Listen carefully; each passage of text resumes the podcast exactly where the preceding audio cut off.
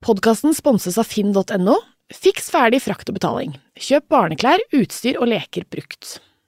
Og da merket jo jeg at det som gjorde meg glad i den sommeren fra helvete, for å kalle det det, var jo det å være sammen med Gustav. Det var liksom lyset. Og så, etter hvert, så har jeg liksom funnet, skal jeg si eh, ja, trøst og glede i det at jeg faktisk kan være mer sammen, men at vi også har forklart han at det kan hende mamma er litt lei seg nå.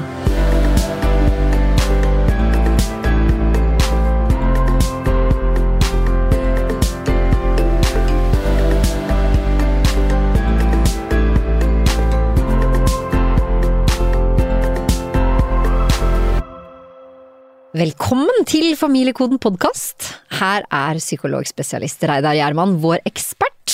Jeg, Katrine Moholt, er programleder, og så har vi med oss en gjest som har tatt foreldrestiltesten vår. Den kan du som hører på også ta på tv2.no familiekoden. Og sammen med vår profilerte forelder skal vi dykke ned i familielivets gleder og bekymringer. Og dagens mamma, det er deg, Anette Trettebergstuen. Velkommen! Tusen takk. Dette gleder jeg meg til. Veldig spennende. Du er altså politiker i Arbeiderpartiet. Tidligere kultur- og likestillingsminister, nå stortingsrepresentant. DJ. Men Ja, i dag. Innimellom, ja ja, men du må ha med det òg. Men i dag altså først og fremst mamma til en gutt på seks, som du har fått sammen med vennen din Christian Berg. Stemmer. Hvordan fungerer det i praksis for deg? Det fungerer kjempefint. Jeg hadde egentlig ikke, aldri hatt noe lyst på barn, aldri hatt noe interesse for barn, egentlig. Jeg hadde aldri vært sånn som har titta ned i barnevogna og eller tenkte at det var hyggelig å være gravid og sånn. Men da jeg var 34, så var det akkurat som at biologien bare tok meg, grep fatt i meg og liksom røska i meg bare 'du må ha barn'. Så jeg ble sånn helt besatt. Og fikk det for meg at jeg må ha barn. Og snart er det sikkert for sent. Og da, da blei du sånn som begynte å titte ned i barnevognene, da, eller? Og, og, Ja, eller i hvert fall begynne å planlegge. For sant, I og med at jeg er skeiv, så visste jeg jo eh, hele veien at det må jo planlegges, på en måte. Eh, og så var jeg singel, så da tenkte jeg nå må jeg ta et viktig livsvalg. Så hadde jeg alltid hatt i bakhodet at hvis jeg noen gang skulle komme til å få barn, eller få lyst på barn, så hadde jeg lyst til at det barnet skulle ha en tilstedeværende far. Så for å gjøre en lang historie litt kortere, bestemte jeg meg for at jeg ville prøve å få barn, og at jeg ville ha barn med en homofil mann. Og da kontakta jeg en eh, Han var vel mer en bekjent enn en nær kompis. Det var også et reflektert valg, for jeg tror at hvis du får barn med en nær venn, så vil det vennskapet endre seg. Um, så vi bygde på en måte det nære vennskapet rundt det prosjektet Barn. Uh, Han ville ha barn, og så gikk vi masse tur. Gikk tur på tur på tur på tur på tur og diskuterte alt vi kunne komme på man burde diskutere rundt barn, verdier, barneoppdragelse, praktiske ting, til vi til slutt kom til at nå har vi vært innom alt, eh, og det er sikkert mange ting som kommer til å dukke opp som vi ikke kan forutse, som vi ikke kan diskutere på forhånd, men skal vi ikke bare gjøre det?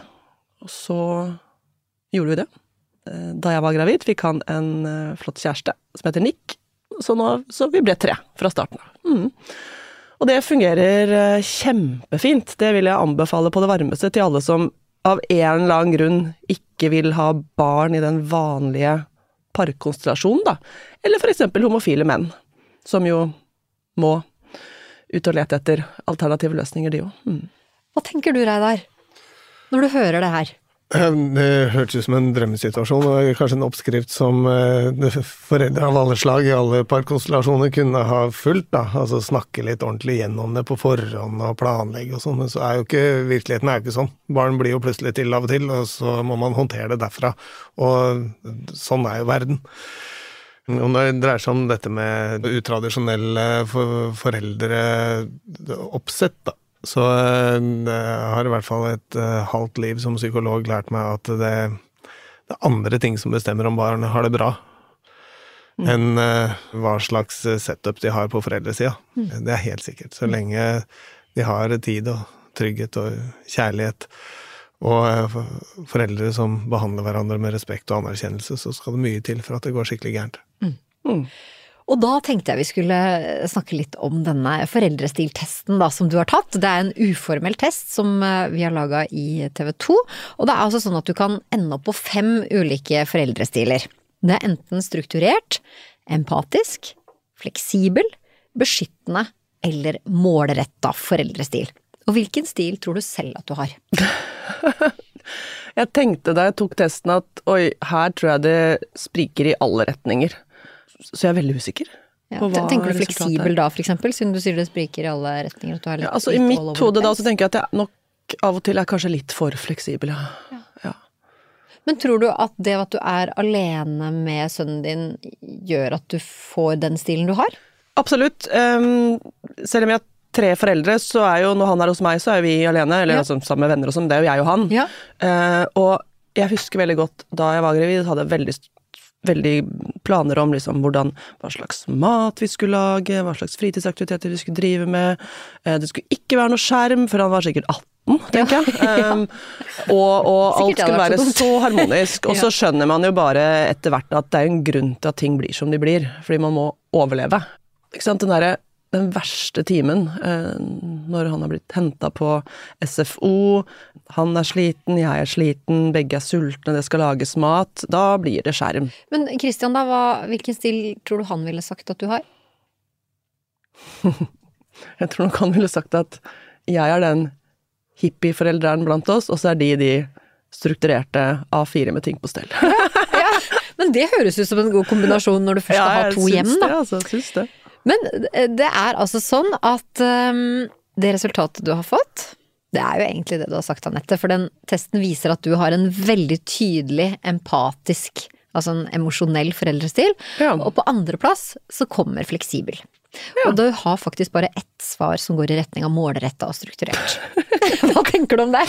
det var Ja, nei, det mm, høres jo litt ut som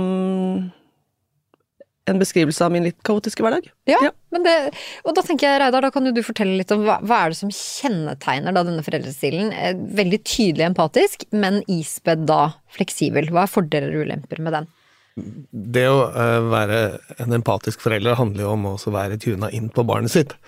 At du forsøker å forestille deg hva det er han føler og tenker til enhver tid, og ser deg selv litt utenfra, mens du ser han innifra, da, på en måte. Det som blir kalt for mentalisering på fagspråket.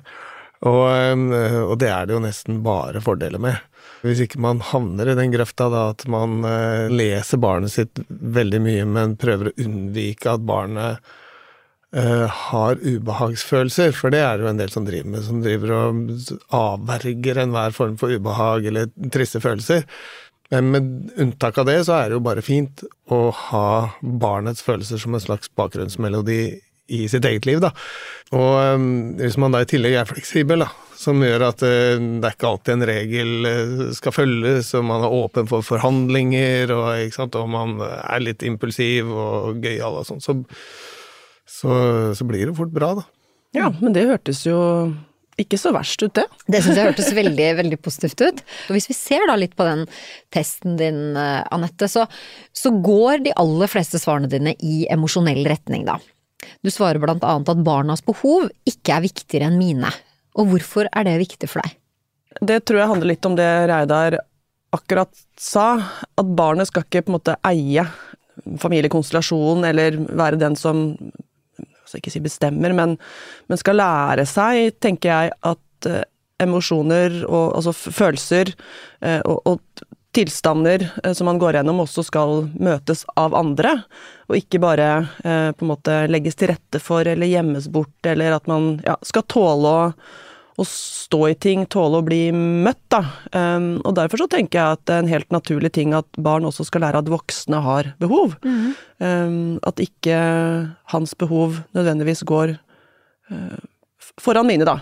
For sånn er ikke livet. Uh, og det kommer de til å smertelig erfare med en gang de kommer uh, ut, i, ut i det, uh, og, og blir voksne. Mm. Så du, hvis dere skal på noe, for eksempel, og han sier at jeg vil ikke, hva gjør du da? Hvis du, du skal ut og spise middag? Det skjer, jo, det skjer jo hele tiden. Hver morgen når han skal på skolen. Ja, Så vil han jo helst bare være hjemme hos mamma. ja.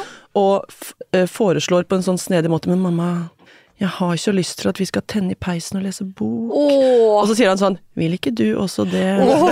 Jeg, så, men da sier jeg altså at du, vet du hva Gustav, jeg skjønner veldig godt at eh, når det er 20 minusgrader og du er trøtt om morgenen, at du har mest lyst til å være hjemme sammen med mamma.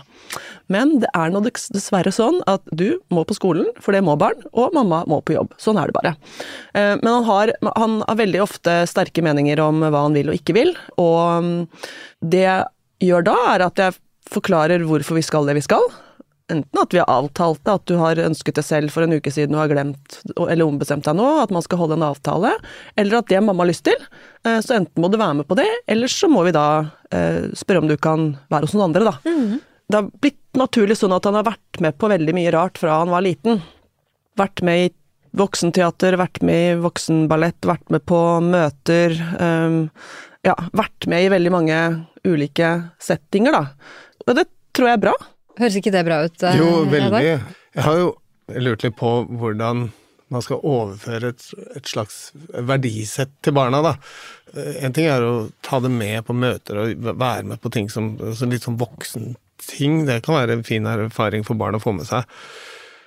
Men jeg leste et intervju av deg, og um, da beskrev du hvordan det var å få en, en slags verdimessig eller politisk oppvåkning som tiåring i Brumunddal. Da uh, det var en sånn kamp mot rasisme da, Ja. i Brumunddal.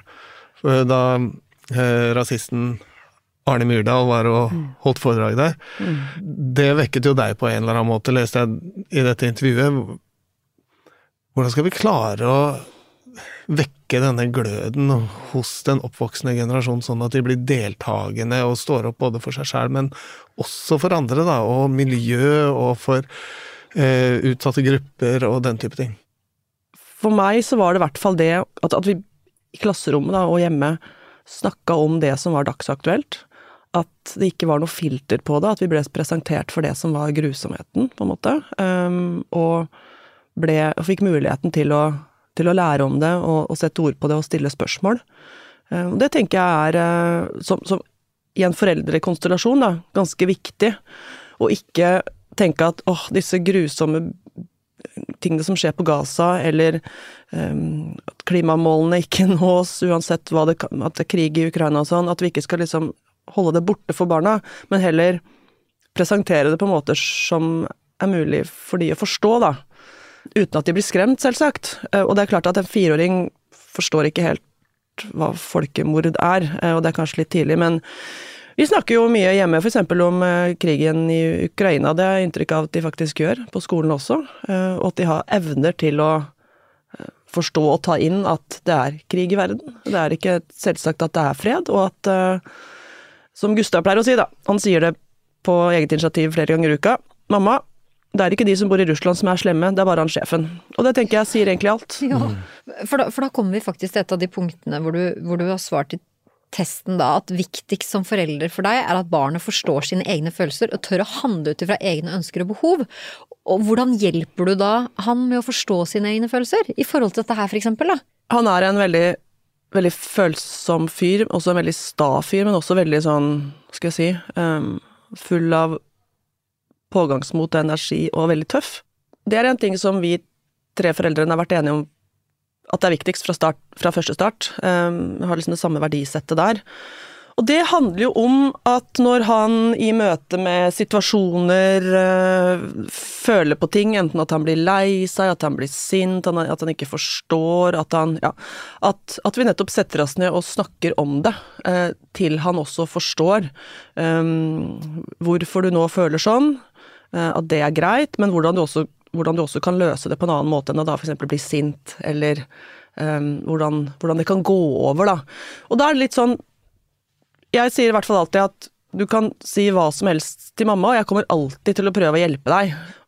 Det gjelder selvsagt nå, når han er lei seg fordi at um, en på skolen har fått katt og ikke han. Men jeg tenker litt fremover. Jeg har veldig lyst til at han skal komme til meg som 16-åring og si at du vet hva, mamma.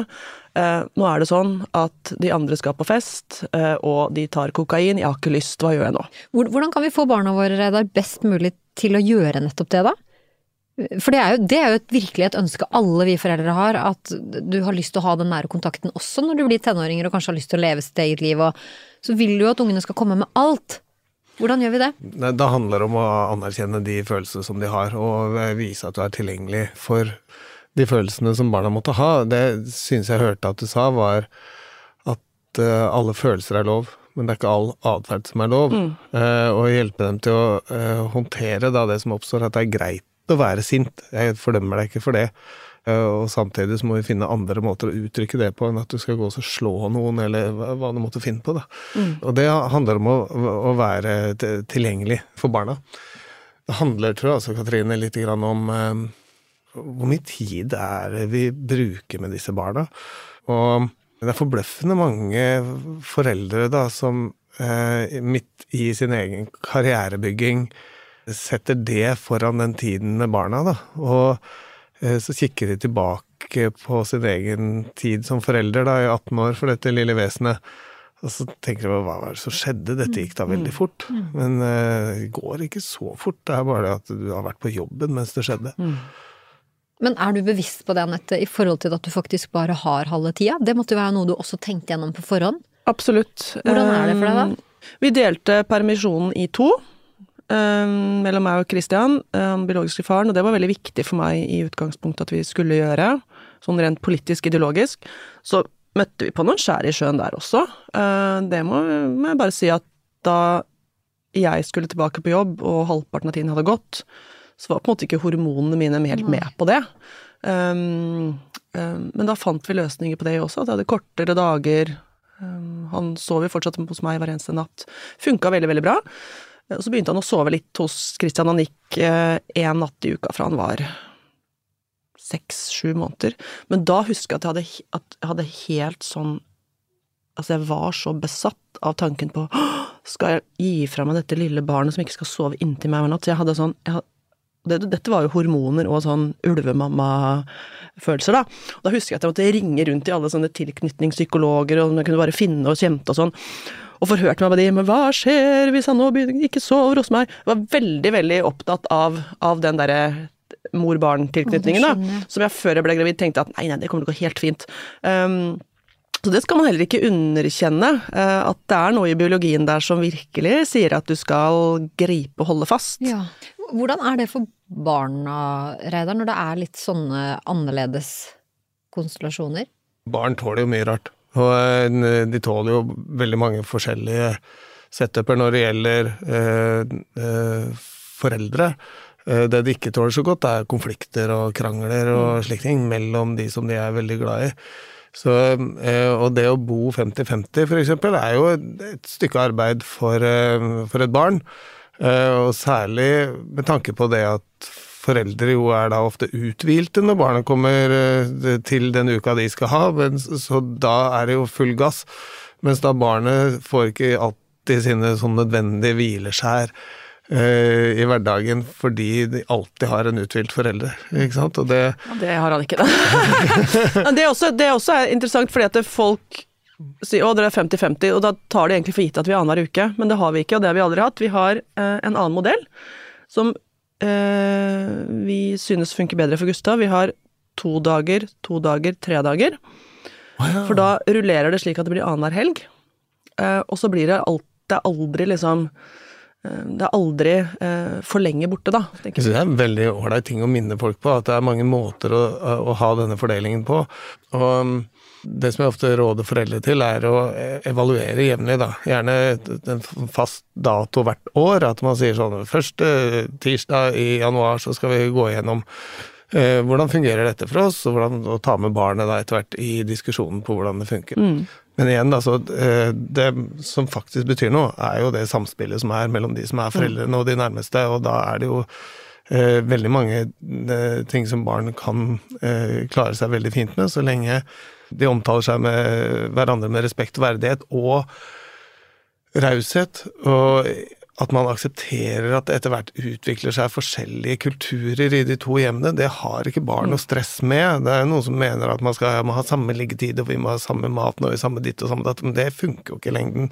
Jeg tenker nok at selv om, selv om man er vant til dette her, så er det jo no, må det jo være noe sikkert mentalt stress med å skulle flytte rundt på den måten, eller bli henta av forskjellige foreldre i, på SFO, da. Ja, for det er et av de spørsmålene du har til Reidar, som du Hvordan det er for han.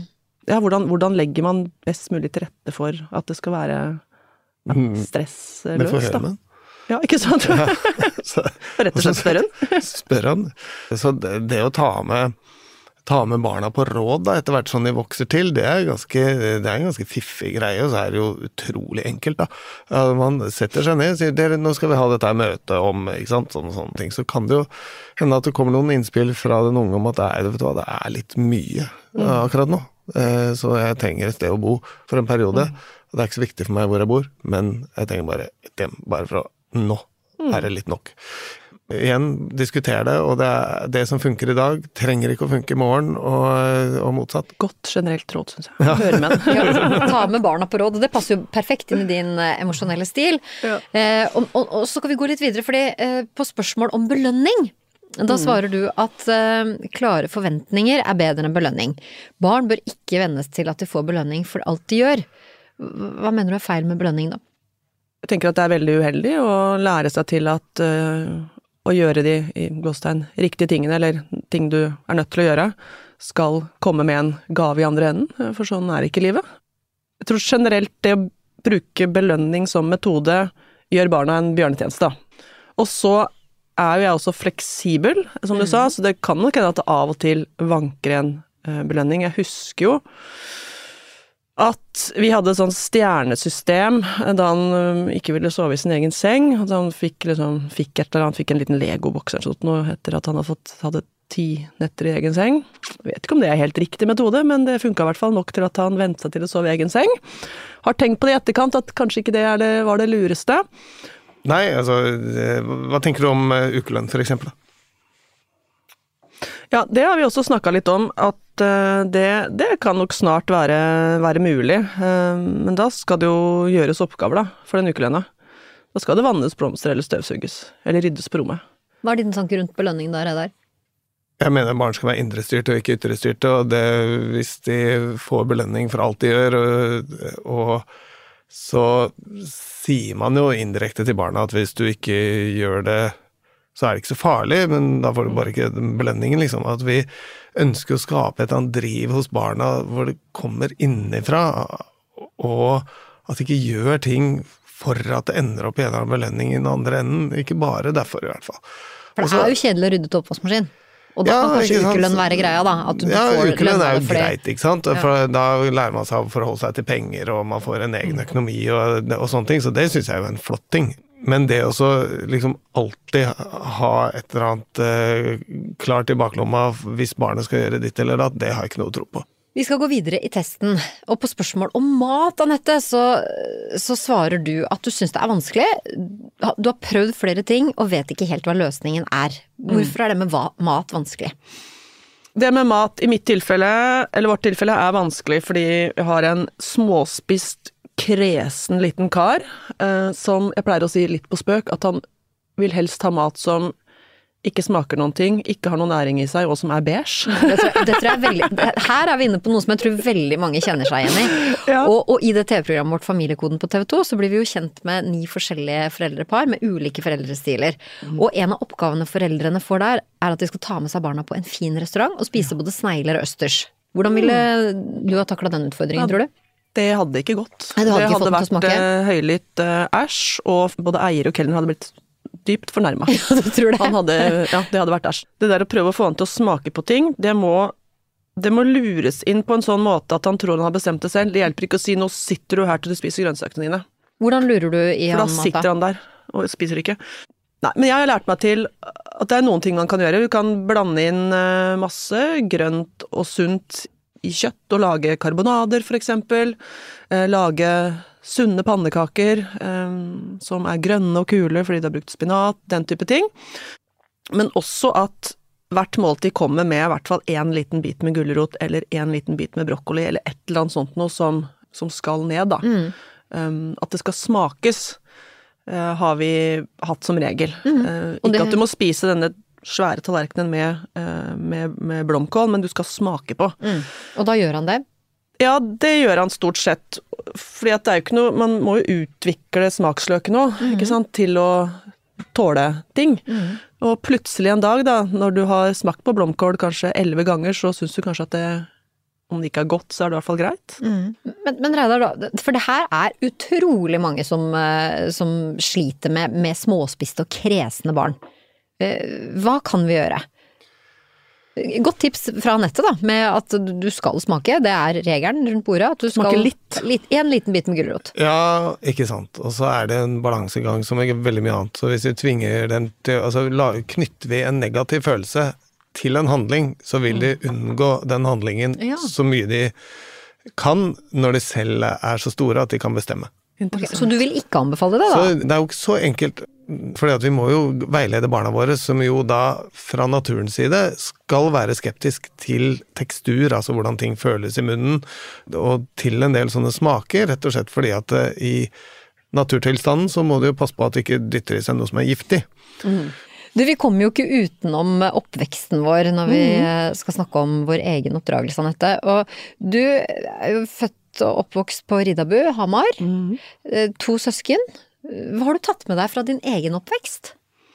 Tenker på min egen oppvekst som veldig sånn um, Sånn forstadsromantisk, liksom. Um, Byggefelt rett utenfor Hamar by, der det var trygt og godt, og vi føyk rundt på syklene våre i nabolaget um, fra morgen til det var innetid, liksom, og gikk på epleslang og bygde hytter og oppdaga livet sånn man skal oppdage livet. Eh, Gikk til skolen som var i nærheten, og trygt og godt og fint. Mm. Hva slags foreldrestil hadde dine foreldre, vil du si?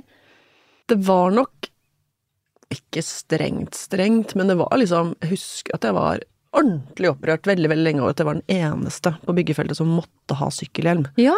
Måtte ha refleks, måtte gå med lue. Ting jeg i dag tenker på som det var veldig bra. men som jeg da ikke ville ha. Ja. Ja, Så der var det ikke noe fleksibilitet. Nei.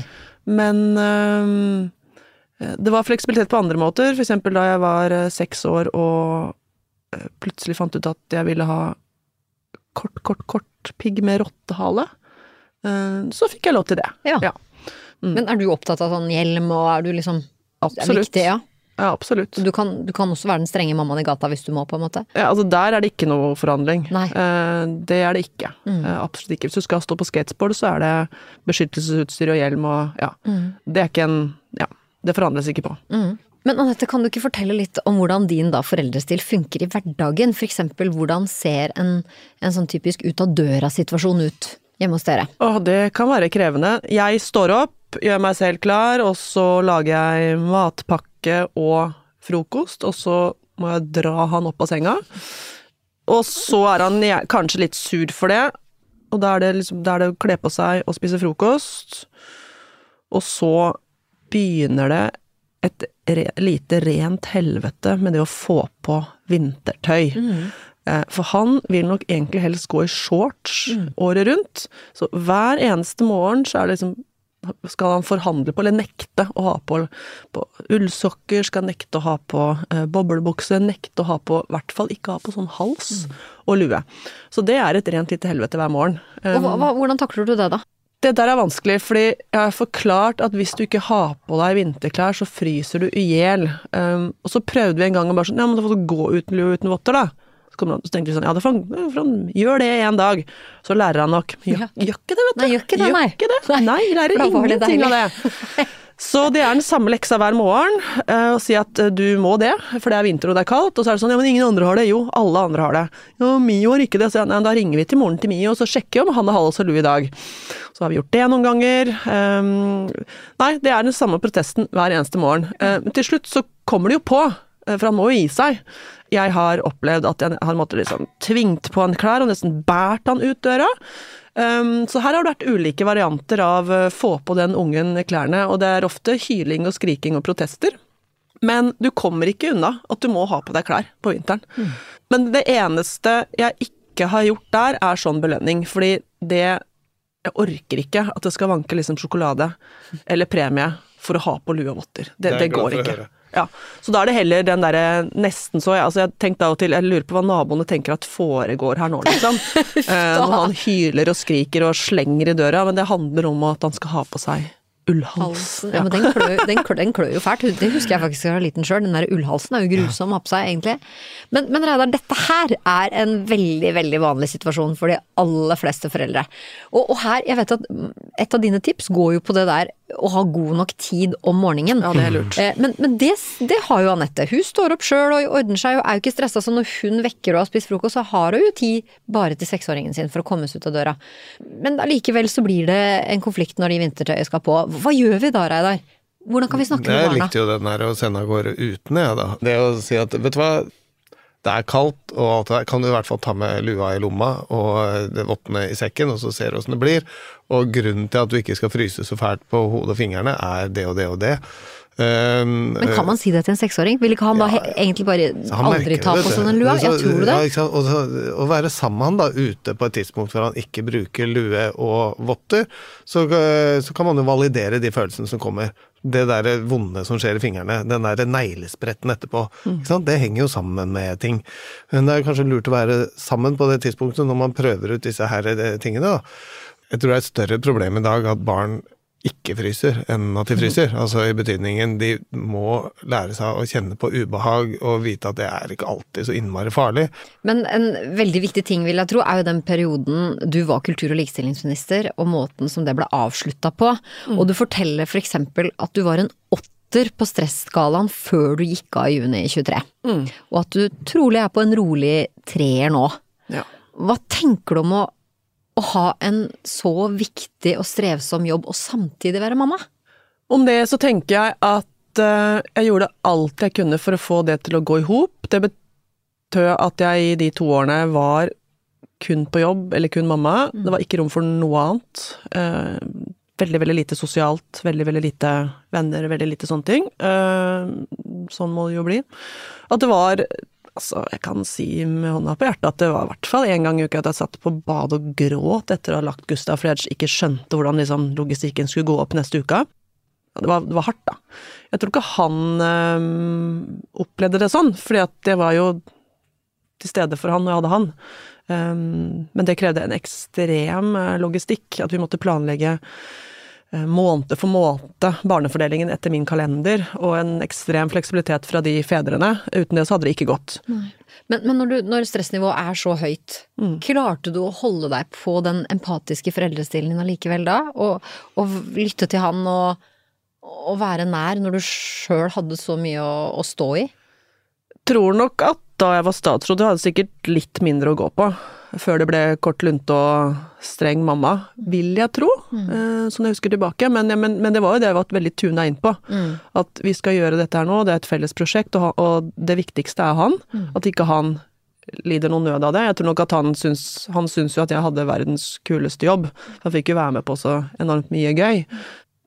Men nå er det jo annerledes, nå har jeg mer tid, eh, og det er, det er den positive siden med det, tenker jeg. At alt kommer med noe godt. Hvor- Hvordan, hvordan har det vært å stå i en så offentlig storm, da?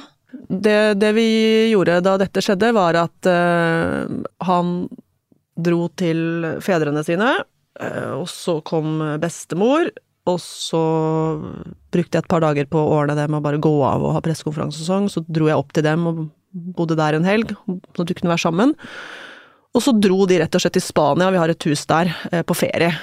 Så han har ikke fått med seg eh, den krisa da, som det jo faktisk var. Man u, liksom ut av det blå plutselig skjønner at oi, shit, nå ja, har jeg gjort noe galt, jeg må gå av, og så får du den offentligheten rundt det. Så han har nok ikke fått med seg det. Eh, det var vi veldig bevisst på å skjerme han fra, men samtidig snakke med han om, med han om at um, mamma er litt lei seg fordi hun har, skal bytte jobb, og den jobben var veldig morsom, men nå skal hun gjøre en annen morsom jobb. Å ja, ok. Så dro jeg til Spania etter et par uker og var sammen med de der, og så har det ting bare gått seg til. Så for han så tror jeg nok at dette bare har vært positivt, egentlig, fordi han sier jo det av og til. Mamma, du er ikke så mye på møter nå lenger. Nei, så, han, ja, så da kanskje han egentlig, hvis han skulle velge en mamma som var minister, og en mamma som ikke Det Det kan nok faktisk hende at han hadde valgt ministermammaen, rett og slett fordi at det kom med veldig mange morsomme Ja. frynsegoder. Ja.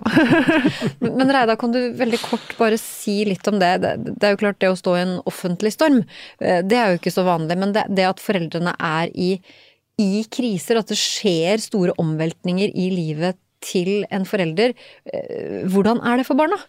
Eh, Når det dreier seg om eh, ting som er vanskelig som foregår i familien, da, ikke sant. Det kan være en eh, krise på Altså, noen mister jobben. Det Ja, skjer det er jo aktuelt ofte. nå i disse nedgangstider. ja, ja det skjer veldig ofte. Og, og andre typer kriser, ikke sant. Altså psykisk uhelse eller selvmord i familien eller ulykker eller hva det måtte være.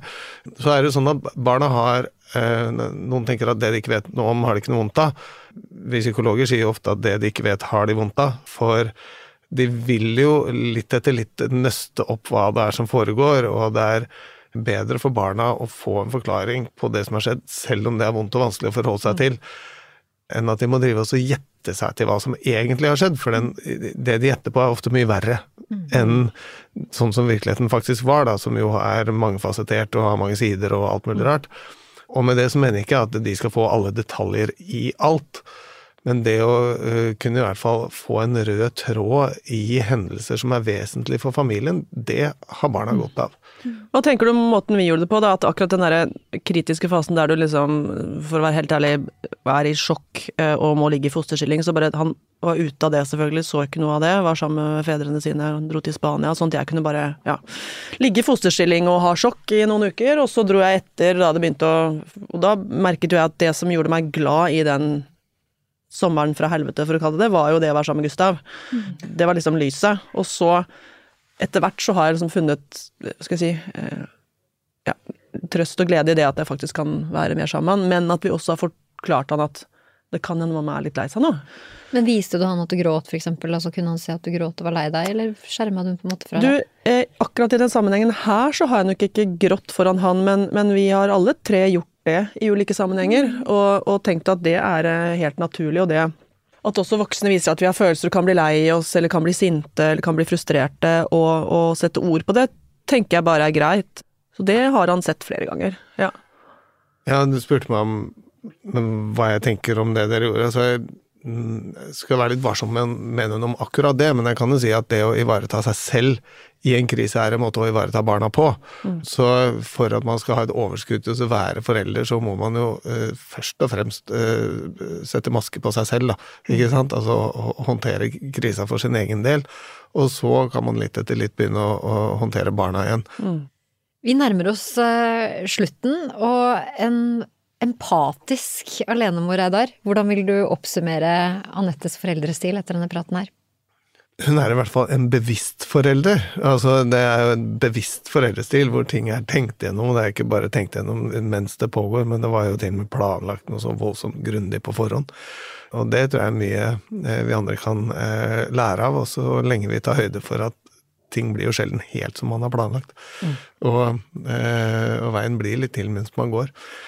Nei, dette, denne her håndteringen av disse to hjemmene, det skulle jeg ønske at mange lærte av, da. For i min hverdag så er det ingenting som opprører meg mer enn foreldre som eh, setter barna midt i skuddlinjen i en sånn voldsom konflikt over eh, hvor barna skal bo, eller hvordan de skal ha det, og driver og blander seg inn i den andres omsorgsutøvelse hele tiden og sånne ting.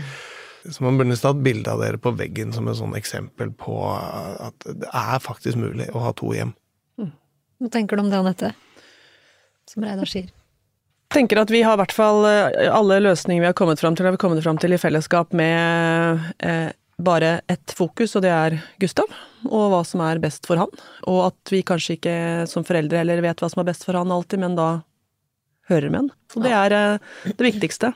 Nettopp fordi at vi er gode venner, så blir ting ja, løst eh, på fleksible og, og enkle måter. Ja. Og det er veldig takknemlig for. Så hvis det er noen der ute som enten eh, har lyst til å danne familie på den måten, eller har gjort det og vil ha råd, så må de bare ta kontakt. Jeg slår et slag for en Kall det en utradisjonell da, eh, måte å få barn på. Mm. Men når du sier, sier det bare helt avslutningsvis, Anette, med at det har funka så bra med dere som familie, ønsker du deg flere barn? Ikke fra min egen kropp. Du kan ikke tenke deg å gjøre det samme som du har gjort en gang til? Jeg tenker Nå slår du et slag for Ja. eh, utradisjonelle måter å bli mamma på.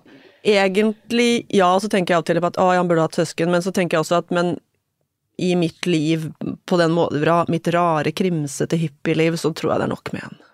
Og vi skal um, runde av denne podkasten sånn som vi pleier å runde av, nemlig ved å høre med deg. Hvilken sang er det du pleier å synge for gutten din når, eh, når han skal legge seg? Har veldig sterke, gode minner knytta til at min mormor sang en Alf Prøysen-sang som heter Teddybjørns vise, da vi var små. Og da jeg ble gravid, så eh, Eller fikk litt mage, da, sånn at det var noe liksom fysisk der, eh, begynte jeg å synge den for han på, på kveldene eh, inni magen. Og det som er litt rart, er at eh, jeg, har prøvd å, jeg har prøvd å synge veldig mange ulike nattasanger for han opp gjennom årene, men akkurat den merka jeg fra han var nesten nyfødt, at han blir helt stille og betatt av. Så jeg tror det har noe med gjenkjennelsen å gjøre. Nå vil han ikke, når han er så stor og kul og tøff, altså seks og et halvt, sier bare 'mamma, bro, ikke syng'. Eh, men av og til så får jeg lov til å synge Teddybjørns vise på senga, og den liker han veldig godt. Den gleder vi oss til å høre. Reidar han setter seg bak pianoet og skal, eh, skal spille for oss, og så skal vi, skal vi synge den som du synger for sønnen din. Reidar, vil du prøve deg på Teddybjørns vise? Jeg skal prøve det.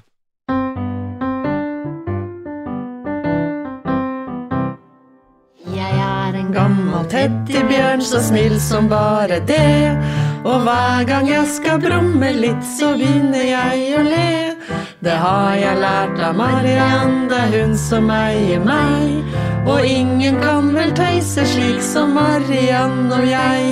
Når Mariann har lagt meg, og jeg vet at det er kveld, så brummer jeg en vise jeg har diktet om meg selv. Og visa kan jeg synge på en gammel melodi. Fra den gang jeg var stor gevinst trivdes tivoli. Er det er cirka der jeg blir avbrutt med 'bro, mamma, ikke syng'. Og så har jeg bytta ut Mariann med mamma, da. Ikke sant? Ja. Så ja, den er fin.